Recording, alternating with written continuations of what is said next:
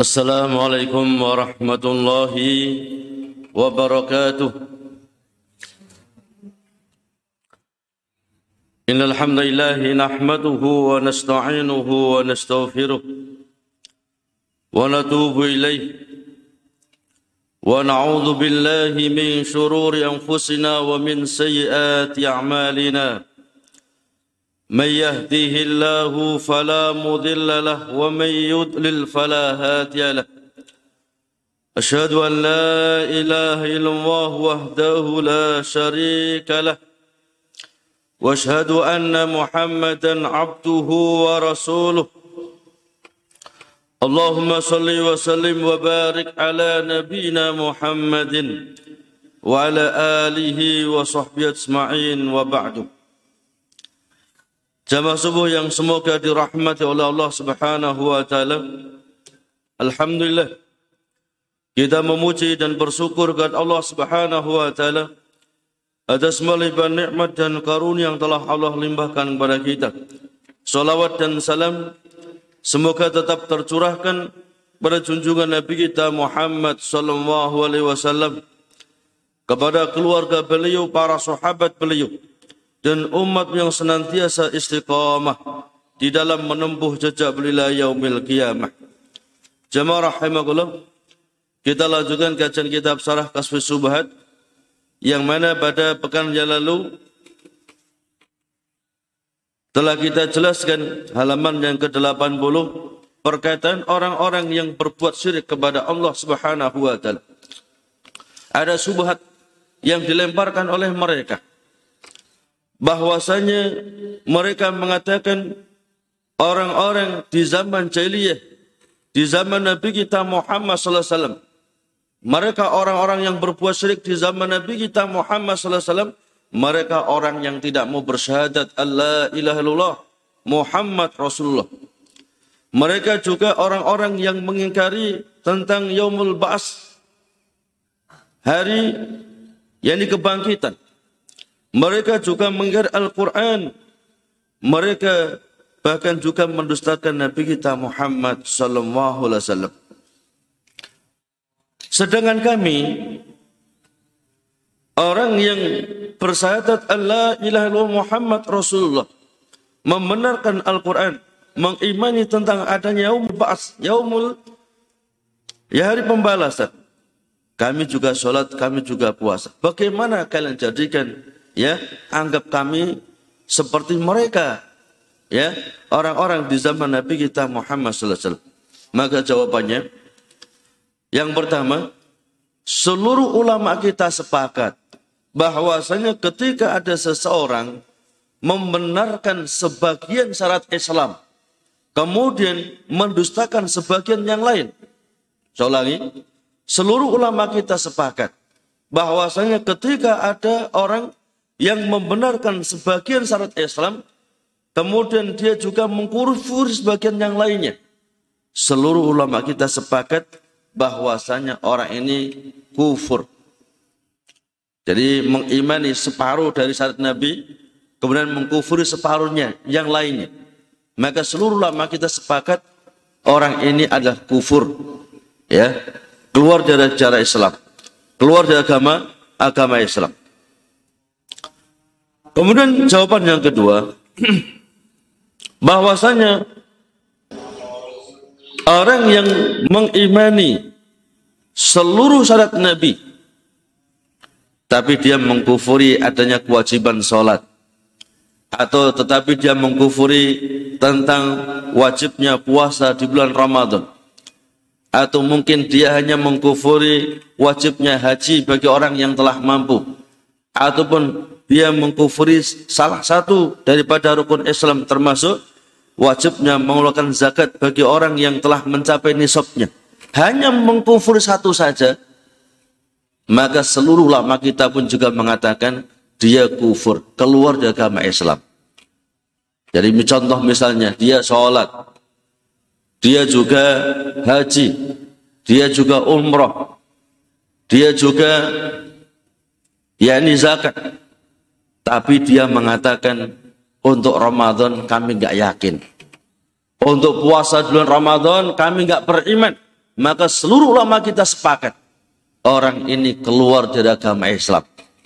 Bisa paham? Kemudian jawaban yang ketiga, wa yuqalu aidan haulai ashabu Rasulillah sallallahu alaihi wasallam qatalu bani Hanifah faqad aslamu ma'an Nabi alaihi salatu wasallam wa hum yashhaduna an la ilaha illallah Muhammad Rasulullah. Wa yu'adzinuna wa yusalluna. Maka jawaban yang ketiga mereka para sahabat Nabi kita Muhammad sallallahu alaihi wasallam ya mereka telah memerangi Bani Hanifah. Padahal Bani Hanifah mereka telah masuk Islam di zaman Nabi kita Muhammad sallallahu alaihi wasallam mereka bersyahadat la ilaha illallah Muhammad Rasulullah mereka juga mengumandangkan adzan di mana-mana adzan. Ya, bahkan mereka juga sholat. Tapi para sahabat Nabi kita Muhammad SAW memerangi mereka. Yang itu, waktu itu, khalifahnya adalah sahabat Abu Bakar As-Siddiq. Jadi Bani Hanifah, yang mereka telah masuk Islam di zaman Nabi masih hidup. Mereka juga bersyahadat, La ilaha illallah Muhammad Rasulullah. Mereka juga mengumandangkan adzan. Mereka juga sholat lima waktu. Tapi mereka tetap diperangi oleh para sahabat Nabi kita Muhammad sallallahu alaihi wasallam. Fa'in qala annahum yaqulun kalau orang-orang yang punya pemahaman syirik ini mengatakan annahum yaqulun alasannya sebabnya karena mereka Bani Hanifah yaqulun mengatakan inna Musailamah nabiyun. Karena Bani Hanifah mengatakan Musailamah al-Kadzab itu betul-betul seorang nabi. Fakul maka jawab. Wa hadha huwal matlub. Dan ini yang ya yang kami inginkan. Idza kana man rafa rajulan ila ratbatin nabi alaihi salatu wasallam kafara wa halla maluhu wa damuhu walan tanfa'hu sahadatani walas salah fa kaifa biman rafa samsan aw yusuf aw sahabiyin aw nabiyin ila mardu jabbar samawati wal ard. Subhanallah. Ma a'lamu sa'nuhu maka jawab ya ini apa itu supaya kita faham maka jawab kalau ada orang ya yang mengangkat, yang meyakini kenabian seseorang ya, kenabian seseorang setelah Nabi kita Muhammad SAW wafat. Saya ulangi, kalau ada orang yang mengangkat dan meyakini kenabian seseorang setelah Nabi kita Muhammad SAW wafat, mereka dianggap kafir. Ya, jadi Bani Hanifah itu dianggap kafir oleh mereka para sahabat. Mengapa? Karena Bani Hanifah mengangkat Musailamah ya, Al-Kadzab sebagai seorang nabi. Mereka membenarkan kenabian Musailamah Al-Kadzab setelah wafatnya Nabi kita Muhammad wasallam. Ya, Orang yang meyakini kenabian seseorang, dakwan seseorang menjadi seorang nabi setelah wafatnya Nabi kita Muhammad SAW itu dianggap kafir. Halal darahnya, halal hartanya, dan nggak ada faidah sadat yang diucapkan la ilaha illallah nggak ada faidahnya. ya, sekaligus salat yang ditegakkan pun nggak ada faidahnya. Bagaimana ketika ada orang yang mengangkat seperti mengangkat Samsan, Samsan nama orang, ataupun menjadikan Yusuf, ataupun menjadikan seseorang sahabat atau seorang nabi diangkat kedudukannya sebagai Allah Subhanahu wa taala, dimintai, ditawakali. Ya. Dan juga berkantung berserah diri kepadanya. Bukankah itu lebih kufur? Paham gak ini? Saya ulangi lagi. Nah, ini berkaitan dan masalah akidah. Ya. Kalau kita nggak paham nanti dikira ngafir-ngafir kan nanti. Ya. Jadi para sahabat Nabi sepakat untuk memerangi Bani Hanifah. Alasannya karena Bani, Bani Hanifah mengangkat dan meyakini kenabian Musailamah al-Kadzab sepeninggal Nabi kita Muhammad sallallahu alaihi wasallam. Padahal Bani Salam, Bani Hanifah ini dia syahadat, mereka juga sholat, ya, dan bahkan mereka mengumandang azan di mana-mana. Tapi mereka tetap dihukumi oleh para sahabat Nabi kita Muhammad SAW. Mereka orang kafir.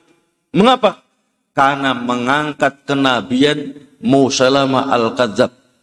Mengangkat seseorang ya dalam kedudukan martabatnya sebagai seorang nabi ya setelah wafatnya Nabi kita Muhammad SAW itu saja kufur diperangi halal darahnya ya halal hartanya bagaimana orang yang mengangkat seseorang hamba kedudukannya seperti Allah bukan seperti Nabi tapi seperti Allah dia bertawakal kepadanya dia berserah diri kepadanya dia berdoa minta-minta kepadanya ya bukankah itu lebih kufur Ya.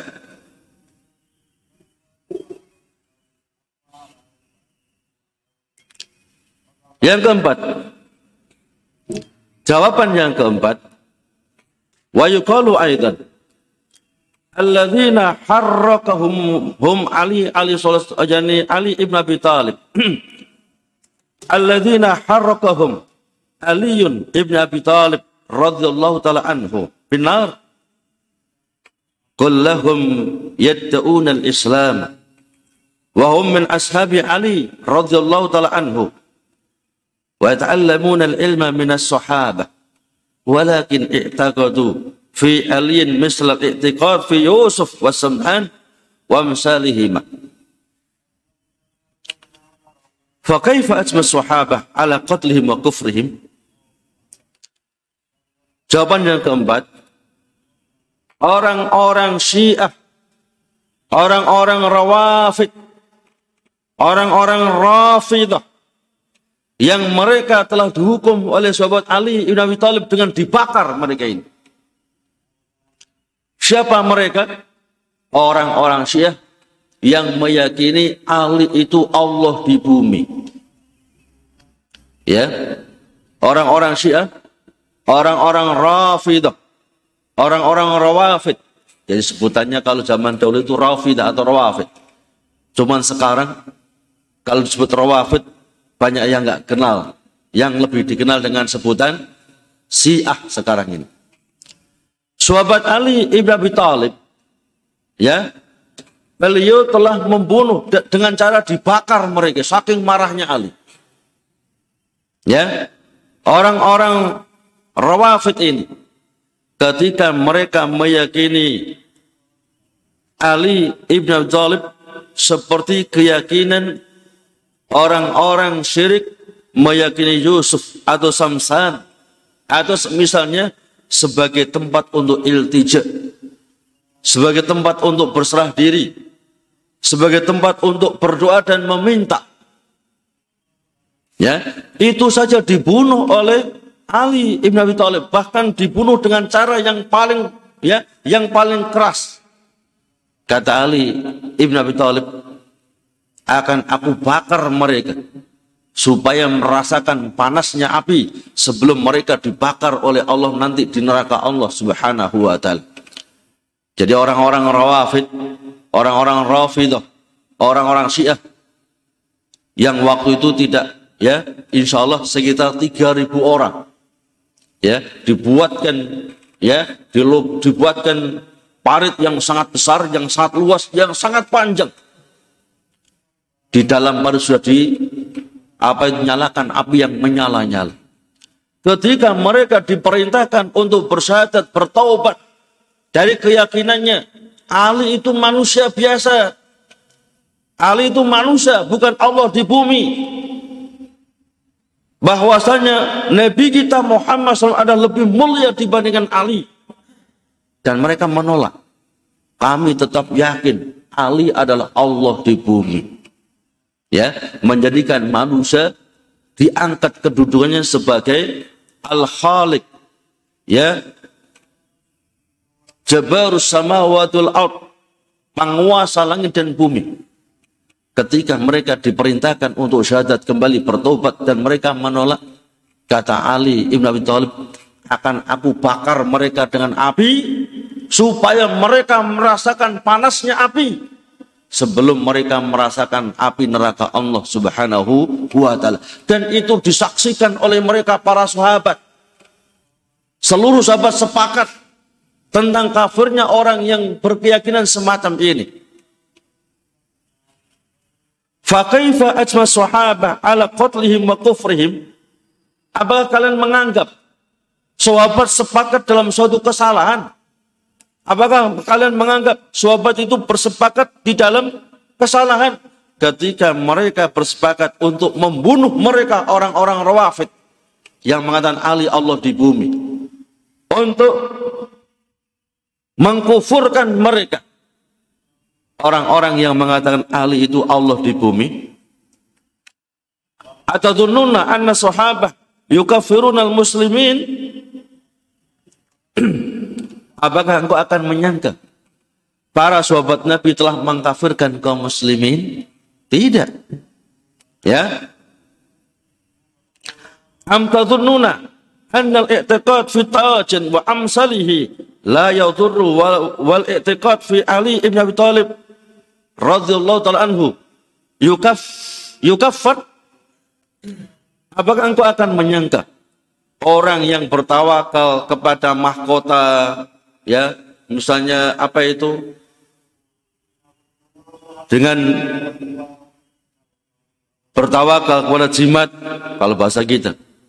Bertawakal kepada sikap bertawakal kepada ya misalnya berlian merah atau apa itu?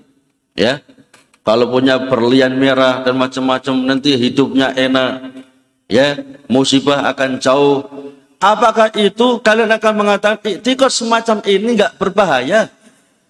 Sedangkan ya iktikot tentang Ali ibnu Talib diangkat sebagai ilah itu menyebabkan kufur.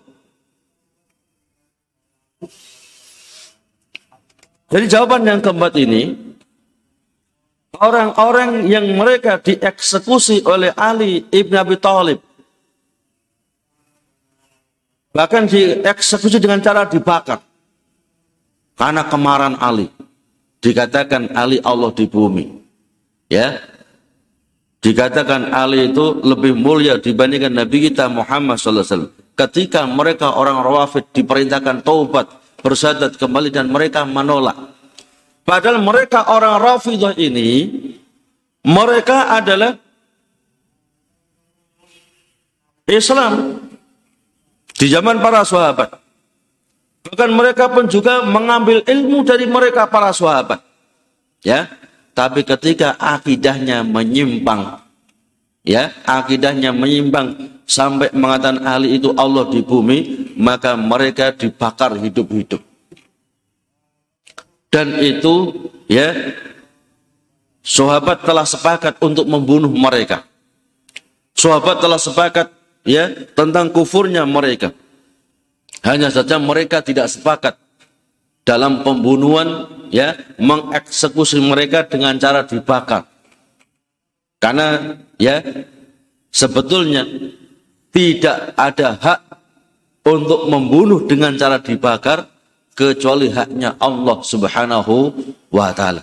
Cuman saking marahnya Ali, ya, saking marahnya Ali karena beliau dianggap sebagai Allah di bumi, maka kata Ali, akan aku bakar mereka dengan api.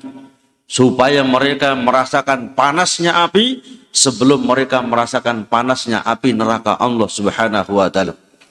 Anda bisa lihat dalam kitab Fathul Bari, ya, berkaitan, yakni kitabul fitan. Jadi Bukhari juz yang ke-8.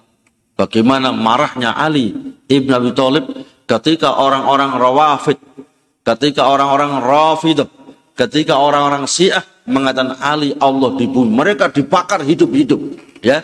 Dan itu seluruh sahabat Nabi sepakat mereka kufur. Seluruh sahabat Nabi sepakat mereka keluar dari agama Islam. Dan seluruh sahabat Nabi sepakat mereka berhak untuk dibunuh. Karena non muslim. Kemudian kita akan mengatakan sahabat Nabi membunuh orang-orang muslim. Ya. Apa kita akan mengatakan sahabat Nabi mengkafirkan kaum muslimin? Tidak. Dengan mereka memiliki keyakinan Ali Allah di bumi, mereka keluar dari agama Islam. Walaupun sholat, walaupun puasa, walaupun haji. Bisa paham? Jawaban yang kelima. Wa yuqalu aidan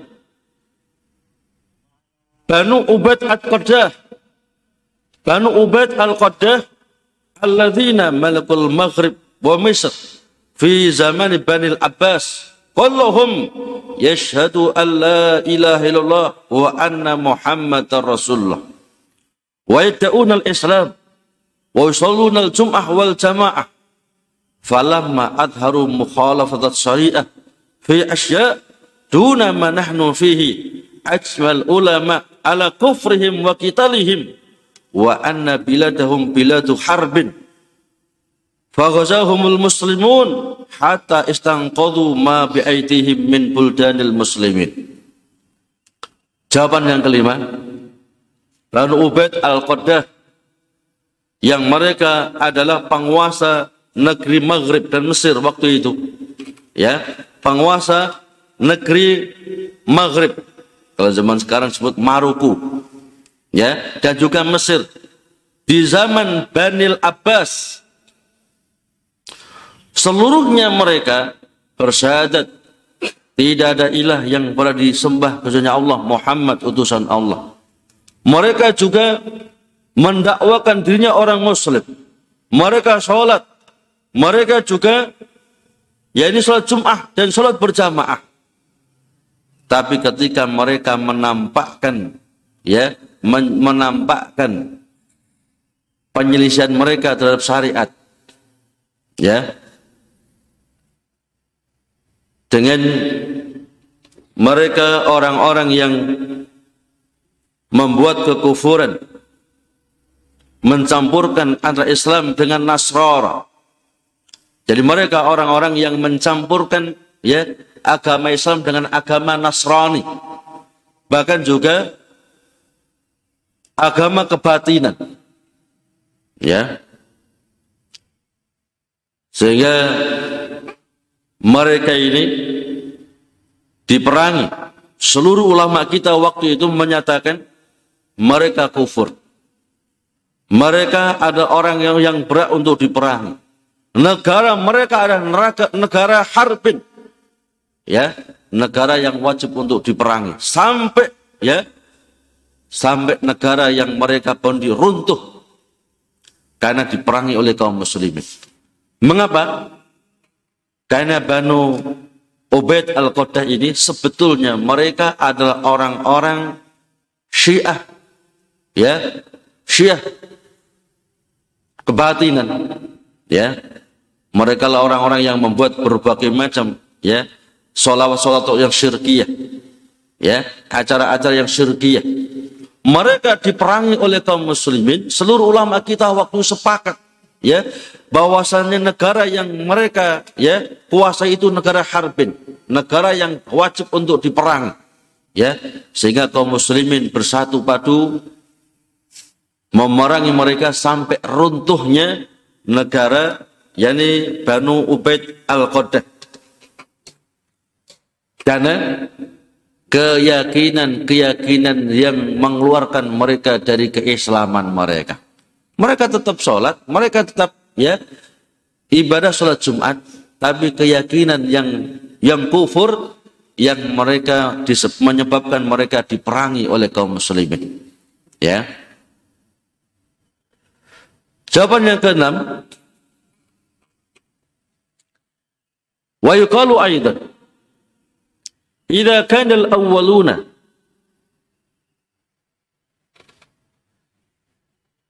Idza kana al-awwaluna lam yukaffaru illa annahum jama'u baina syirki wa takdzibir rasul wal Qur'an wa inkaril ba'si wa ghairi dhalika fama ma'na al-bab alladhi dzakara ulama fi kulli madhhabin babu hukmil murtad. Kalau dikatakan bahwasanya orang-orang terdahulu di zaman jahiliyah di zaman Nabi kita Muhammad SAW diutus oleh Allah mereka itu dikafirkan karena mereka mengumpulkan antara perbuatan syirik dan juga mendustakan Nabi kita Muhammad SAW. Mengingkari Al-Quran, mengingkari adanya yaumul ba'si, hari kebangkitan, dan selainnya. Apa faidahnya? Kalau demikian, apa faidahnya para ulama-ulama kita dalam semua madhab? Mereka membuat, yakni bab hukmul murtad. Ya, Para ulama-ulama kita dalam semua madhab mengatakan, yakni mereka membuat bab penjelasan hukumnya orang murtad. Ya. Sebagian mengatakan nawakidul Islam, pembatal-pembatal keislaman. Wahwal muslim alladhi yukaffaru ba'da islamihi. Yang dimaksud orang murtad itu adalah orang muslim yang kafir setelah dia Islam. Ya. Dan ulama-ulama kita dalam semua madhab menyebutkan ini. Orang yang muslim dia bisa murtad. Keluar dari agama Islam dengan sebab ini. Syirik. Dua ini. Tiga ini. Terus. Ya, kalau kufurnya seseorang itu disebabkan karena perbuatan syirik dan mendustakan Nabi, mendustakan Al-Quran ataupun mendustakan ada yaumul baksi. Hanya itu saja. Apa faidahnya para ulama kita membuat babu hukmil murtad? Faham nggak maksud saya ini? Ya. Yang dimaksud bab hukmul murtad itu ada orang muslim yang mereka dikafirkan, dianggap murtad setelah keislamannya karena melakukan perbuatan-perbuatan semacam ini, semacam ini, semacam ini.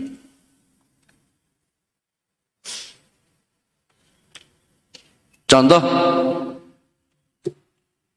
Syekh Abdullah Ibn Abdul Aziz bin Bas belum membuat kutaib, yakni kitab kecil.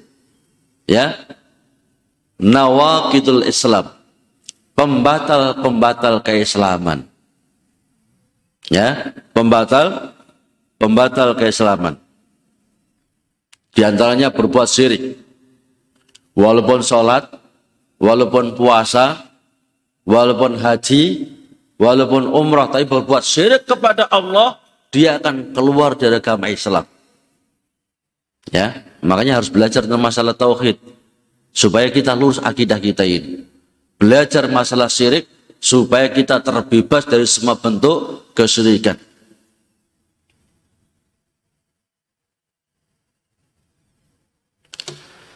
Kemudian jawaban yang ketujuh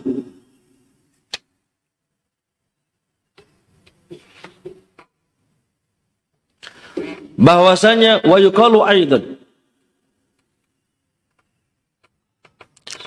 Alladzina qala Allah fihim yahlifuna billah ma qalu walaqad qalu kalimatal kufri wa kafaru ba'da islamihim. Dan mereka bersumpah-sumpah atas nama Allah atas apa yang mereka ucapkan dan sungguh mereka telah mengucapkan kalimat yang kufur. Maka mereka ada orang-orang kafir setelah Islamnya mereka. Allah juga telah berfirman ketika orang-orang munafik ya di zaman Nabi kita Muhammad sallallahu alaihi wasallam mereka orang-orang munafik ini berperang bersama Nabi. Ketika waktu perang Tabuk peristiwa ini terjadi ketika waktu perang Tabuk mereka orang-orang munafik mengatakan kami tidak dapatkan orang yang paling penakut kecuali para sahabat Rasulullah sallallahu alaihi wasallam. Kami tidak dapatkan orang yang paling rakus makan kecuali Muhammad dan sahabat-sahabatnya. Ya. Jadi orang-orang munafik mengatakan, ya, ketika di belakang Nabi, mereka mengatakan kami nggak dapatkan orang yang paling licik, penakut dalam perang kecuali Nabi dan sahabat-sahabatnya. Kami nggak dapatkan orang yang paling rakus dalam makan kecuali ya Muhammad dan sahabat sahabatnya. Maka ketika ya ucapan mereka ini disampaikan kepada Nabi kita Muhammad SAW. Nabi mengatakan, mengapa kalian berbuat semacam itu? Mengapa kalian mengucapkan kalimat yang semacam itu padahal kalian sholat bersama kami, berpuasa bersama kami, berperang bersama kami? Mereka mengatakan, Ya Muhammad, Ya Rasulullah, kami hanya main-main. Kami mengucapkan ini hanya sendagura ya Muhammad. Maafkan kami. Kami hanya main-main. Maka langsung turun firman Allah Subhanahu wa taala, "Abillahi wa ayatihi wa rasuli kuntum tastahzi'un la ta'tadiru qad kafartum ba'da imanikum." Allah berfirman, ya, katakan wahai Muhammad sallallahu alaihi wasallam, apakah terhadap Allah Subhanahu wa taala kepada ayat-ayatnya kepada Rasulnya Muhammad SAW. Kuntum tastahzi'un. Kalian ya bermain-main. Kalian melecehkannya. Kalian meremehkannya. Menghinakannya. La ta'tadiru. Kalian nggak perlu minta udur sudah. Qad kafartum ba'da imanikum. Kalian telah kafir walaupun sebelumnya kalian telah beriman. Lihat firman Allah Subhanahu wa ini, ya kalian telah kafir setelah kalian ber, beriman. Artinya apa? Orang yang bersyahadat la ilaha illallah Muhammad Rasulullah masuk Islam itu bisa batal keislamannya ketika dia melakukan perbuatan-perbuatan yang menafikan tauhid. Seorang wudhu itu loh. Kita wudhu, selesai wudhu, oh kalau selesai wudhu gak mungkin batal Pak Ustadz. Ya bisa batal kalau ngentut. Ya kan? Kalau kita ngentut ya batal. Nggak mau wudhu lagi. Saya nggak mau wudhu lagi. Ya nggak sah sholatnya. Sama seperti itu. Orang yang sudah masuk Islam bisa keluar dari agama Islam ketika dia melakukan melakukan perbuatan-perbuatan nawakidul Islam, pembatal-pembatal keislaman. Ya. Allah Subhanahu wa taala berfirman berkaitan dengan orang-orang munafik ketika mereka mengucapkan dengan teman-teman mereka sendiri. Jadi orang munafik itu ya sholatnya di belakang Nabi, berpuasa bersama Nabi dan para sahabat. Mereka juga berperang ya bersama Nabi dan para sahabat. Kadang-kadang mereka juga mati dalam medan perang, tapi munafik. Ya. Ketika mereka orang-orang munafik, ketika waktu istirahat, ya mereka kumpulnya dengan munafik, gak mungkin kumpul dengan sahabat-sahabat yang yang mulia itu. Mereka sambil ngomong, ya. Setelah kumpul-kumpul mereka mengatakan, kami-kami ini loh, gak lihat, gak tahu orang yang paling licik dalam perang kecuali Muhammad dan sahabat-sahabatnya itu. Padahal dia juga, ya, Zahirnya orang-orang kafir mengatakan dia termasuk sahabat Nabi. Orang-orang non-muslim itu loh. Menganggap mengira orang munafik ini termasuk sahabat sahabat Nabi. Ya. Makanya mengapa Nabi tidak mengeksekusi ya seorang gembong munafik? Siapa dia? Gembong munafik di Madinah. Ubay bin bin Salul. Mengapa? Seluruh orang kafir mereka telah yakin bahwasanya Ubay bin Salul termasuk sahabat Nabi. Makanya Nabi tahu betul kalau Ubay bin Salul ini munafik. Langsung dari firman Allah Subhanahu wa taala. Tapi Nabi tidak membunuhnya. Mengapa? Khawatir orang-orang akan mengatakan Muhammad telah membunuh sahabat-sahabatnya. Ya. Jadi apa itu? Mengapa gembong munafik yang jelas-jelas munafik? Ya, yang menyebar-nyebarkan ya, yang menyebar-nyebarkan Ya, ini tentang hal-hal yang buruk kepada Nabi dan keluarganya. Termasuk yang ikut menyebarkan Aisyah seorang pelacur. Aisyah berzina dengan fulan fulan. Ini adalah Ubay ini Salul. Walaupun dia enggak ya, yang enggak ngawali tapi dia yang terus meng, apa itu menyebarkan ini. Sampai ya Haban terkenal seluruh Madinah. Sampai Nabi mengatakan, Aisyah pulang ke rumah orang tuamu. Ya Nabi, ucapan anda ini menceraikan saya atau gimana wahai Nabi? Wahai Aisyah, pulang ke rumah orang tuamu. Sampai tiga kali. Ya Nabi, ini cerai atau gimana ya Nabi? Pulang ke rumah orang tuamu. Nabi juga sangat ya sangat berat waktu itu. Karena kabarnya menyebar seluruh Madinah. Ya. Kisahnya ketika Aisyah ya ketika di apa itu ketika beliau Aisyah ini diundi dengan istri yang lain karena Nabi ketika mau perang itu ya istrinya itu diundi siapa yang keluar maka dia yang ikut menyertai Nabi dalam medan perang. Ternyata ketika diundi Aisyah yang keluar namanya. Jadi Aisyah yang ikut bersama Nabi menemani Nabi dalam medan medan perang. Mana seorang istri ya ingin penampilan yang paling top di depan suaminya. Ya. Maka waktu itu ya Aisyah yang beliau tidak memiliki kalung, beliau minjam kepada saudarinya, yakni Asma. Jadi supaya penampilannya bagus di hadapan suami, maka Aisyah ini pinjam kalung kepada Asma. Ya. Ketika selesai dari medan perang, ya. Aisyah baru terasa kalau kalungnya itu hilang. Ini kalung minjem lagi. Dicari-cari terus. Padahal pasukan sudah bergerak, ya ini bergerak pulang sudah. Ya, Dicari-cari nggak nggak ya nggak ada. Sampai lupa kalau pasukan sudah jauh itu. Aisyah terus nyari terus kalungnya ini. Ini kalung yang yang paling disenangi oleh saudaranya Asma. Ini kalau hilang gimana ini? Cari terus. Dan ada salah seorang sahabat yang ketika waktu beliau, beliau tertidur karena lelah perang tertidur. Ya, tertidur. Maka ketika beliau menyadari sahabat sudah jauh ya pulang. Sahabat yang terjun baru bangun dia. Ketika perjalanan mau pulang, ternyata dia melihat ada Aisyah di situ. Ya, ada Aisyah yang masih ya yang masih di tempat itu, belum ikut bersama Nabi dan rombongan.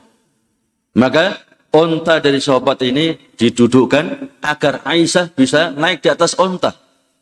Ya, kemudian dia yang memegang kekang onta.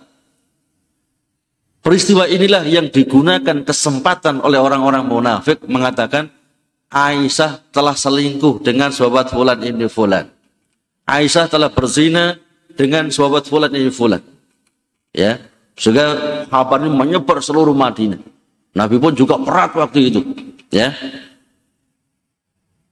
sampai mengatakan, wahai Aisyah, pulang ke rumah orang tuamu. Ini cerai atau gimana ya Nabi? Pulang ke rumah orang tuamu. Cerai atau enggak ya Nabi? Ya, jadi Aisyah ini ingin kepastiannya.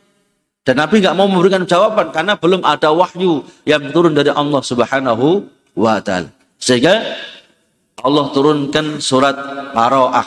Maka dalam surat Baroah ini nggak ada bismillahnya ini. Ya. Jadi seluruh surat dalam Al-Quran itu ada Bismillahirrahmanirrahim. Khusus surat Al-Baroah nggak ada Bismillahnya. Ya, berlepas dirinya Aisyah dari apa itu kebohongan, kedustaan yang dibuat oleh orang-orang munafik bahwa Aisyah telah selingkuh dengan salah seorang sahabat. Ya. Dan kadang-kadang semacam bisa terjadi ya fitnah. Ini luar biasa. Sampai Nabi pun juga ya nggak bisa ngomong itu. Diam nggak bisa ngomong. Ya, beliau hanya menunggu wahyu yang datangnya dari Allah Subhanahu wa taala. Dengan keluarnya surat Baroah ini, turunnya surat Al-Baroah ini, pembebasan ya pembebasan Aisyah langsung dari kabar Allah Subhanahu wa taala bahwasanya Aisyah itu adalah Siddiqah bintu Siddiq ya wanita yang jujur anak dari laki-laki yang sangat jujur yakni Umar ibn uh, Abu Bakar as As-Siddiq jadi orang-orang yang awalnya muslim bisa kufur dengan ucapan-ucapannya atau dengan perbuatan-perbuatannya. Maka di sini jelaslah bagi kita bahwasanya ketika seseorang itu muslim bisa kufur dengan dia melakukan perbuatan-perbuatan yang telah disebutkan oleh para ulama kita. Termasuk ulama kita membuat nawakidul Islam, ya, pembatal-pembatal keislaman. Yang pertama, ya, termasuk yang berbuat syirik. Yang kedua, ketika dia ini yakni mempraktekkan perdukunan, ya, bukan dukun pijat, ya, dukun maksudnya dukun dukunnya dukun sihir, ya, orang-orang yang, yang praktek sihir itu kufur, ya, ataupun orang yang mendakwakan dirinya tahu tentang ilmu yang gaib, ataupun orang yang mengatakan hukum Islam Al-Quran dan Sunnah Nabi itu nggak layak untuk diterapkan untuk pada masa ini, ya abad ini, atau seterusnya dan seterusnya. Anda bisa lihat dalam kitab Nawakidul Islam yang ditulis oleh Abdul Aziz Ibni Bas. Jamaah rahimahullah, waktu telah habis. Mudah-mudahan bagi kita pada pagi hari ini memberikan tambah ilmu dan wawasan ilmu bagi kita semuanya. Masih ada banyak subhat yang dilemparkan oleh mereka orang-orang yang punya keyakinan syirik. Ya, nanti akan kita jelaskan jawabannya. Supaya kita ini dalam ya dalam ber, ber, berkeyakinan itu atas landasan ilmu, bukan ngawur. Ya. Dan kita tidak mengkafir-kafirkan. Ya, tidak boleh mengkafirkan itu perbuatan berat itu, ya. Kita hanya boleh mengkafirkan orang-orang yang dikafirkan oleh Allah dan Rasulnya Muhammad Sallallahu Alaihi Wasallam. Ya, kalau kita katakan Abu Jahal kafir, ya benar itu. Ya, kemudian Abu Lahab kafir, benar itu. Fir'aun kafir, benar itu. Ya, tapi kalau per orang per orang nggak boleh. Ya, tetapi tetapi ketika menyebutkan secara umum maka boleh. Orang yang berbuat syirik kufur.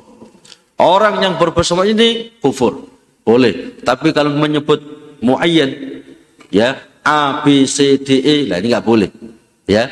Dan dalam hal ini tentunya ulama yang punya hak yang semacam ini. Kita-kita ini nggak punya hak, ya. Jadi ulama yang mereka rasikhuna fil ilmi, dalam ilmu mereka yang bisa mentakyin, ya. Termasuk ya tadi telah kita jelaskan bahwasanya penguasa Fatimiyun ya. Penguasa Fatimiyun mereka yang ngaku-ngaku keturunan Nabi dari jalur Fatimah. Sebetulnya mereka orang Syiah itu. Syiah kebatiniyah ya.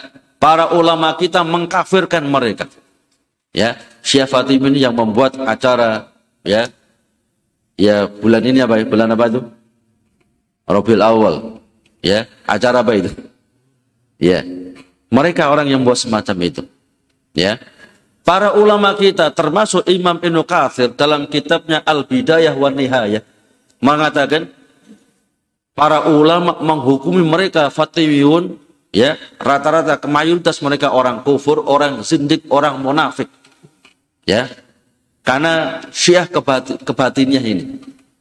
Mereka kadang-kadang juga apa itu meyakini nggak perlu sholat, sing penting hatinya mengatakan wajib sholat. Mereka yang mencampur ya mencampur aduk antara agama Islam dengan agama Nasoro dan juga dengan ajaran kebatinan. Ya, maka benar kata Imam Ibnu Katsir dalam kitabnya Al Bidayah wa Nihayah, para ulama ya, para ulama-ulama kita telah menghukumi kebanyakan mereka adalah kafir, zindik atau munafik. Karena mereka merusak ajaran Islam itu. Ya merusak dengan serusak-rusaknya. Ya mereka orang-orang Fatimiyun. Maka harus, harus belajar ya supaya kita tidak apa itu terjerumus ke dalam kekufuran mereka. Karena kadang-kadang kita ini wow, mereka yang membuat rame ini ini, ini macam-macam padahal tujuannya bukan itu. Tujuannya untuk mencampur aduk antara Islam dengan dengan agama selain Islam. Sehingga ada istilah pluralisme. Ya pluralisme. Ya pluralisme ini munafik di murtad itu. Jadi pluralisme dikatakan sama Islam iya. Nasrani iya. Hindu iya. Buddha iya. Konghucu Sinto iya. Jadi agamanya banyak. Ya Jadi satu orang agamanya bisa bahasa banyak. Ini ada pluralisme. Dan itu dalam Islam disebut dan munafik iktiqadi. Keluar dari agama Islam. Ada pun munafik amali, ya, mau biasanya sotako itu hanya 2000 misalnya. Ada orang diambilkan yang 100 ribu. Ini munafik amali. Ya, itu dosa. Cuman tidak bisa sampai derajat kufur. Faham maksud saya? Kalau sholat sendirian paling-paling dua menit. Kalau banyak orang bisa 20 menit. itu munafik amali. Ya, itu dosa. Cuman tidak menyebabkan kufur. Bisa paham ya? Subhanallah asyhadu an la ilaha illa anta astaghfiruka wa atubu ilaik. Assalamualaikum warahmatullahi wabarakatuh.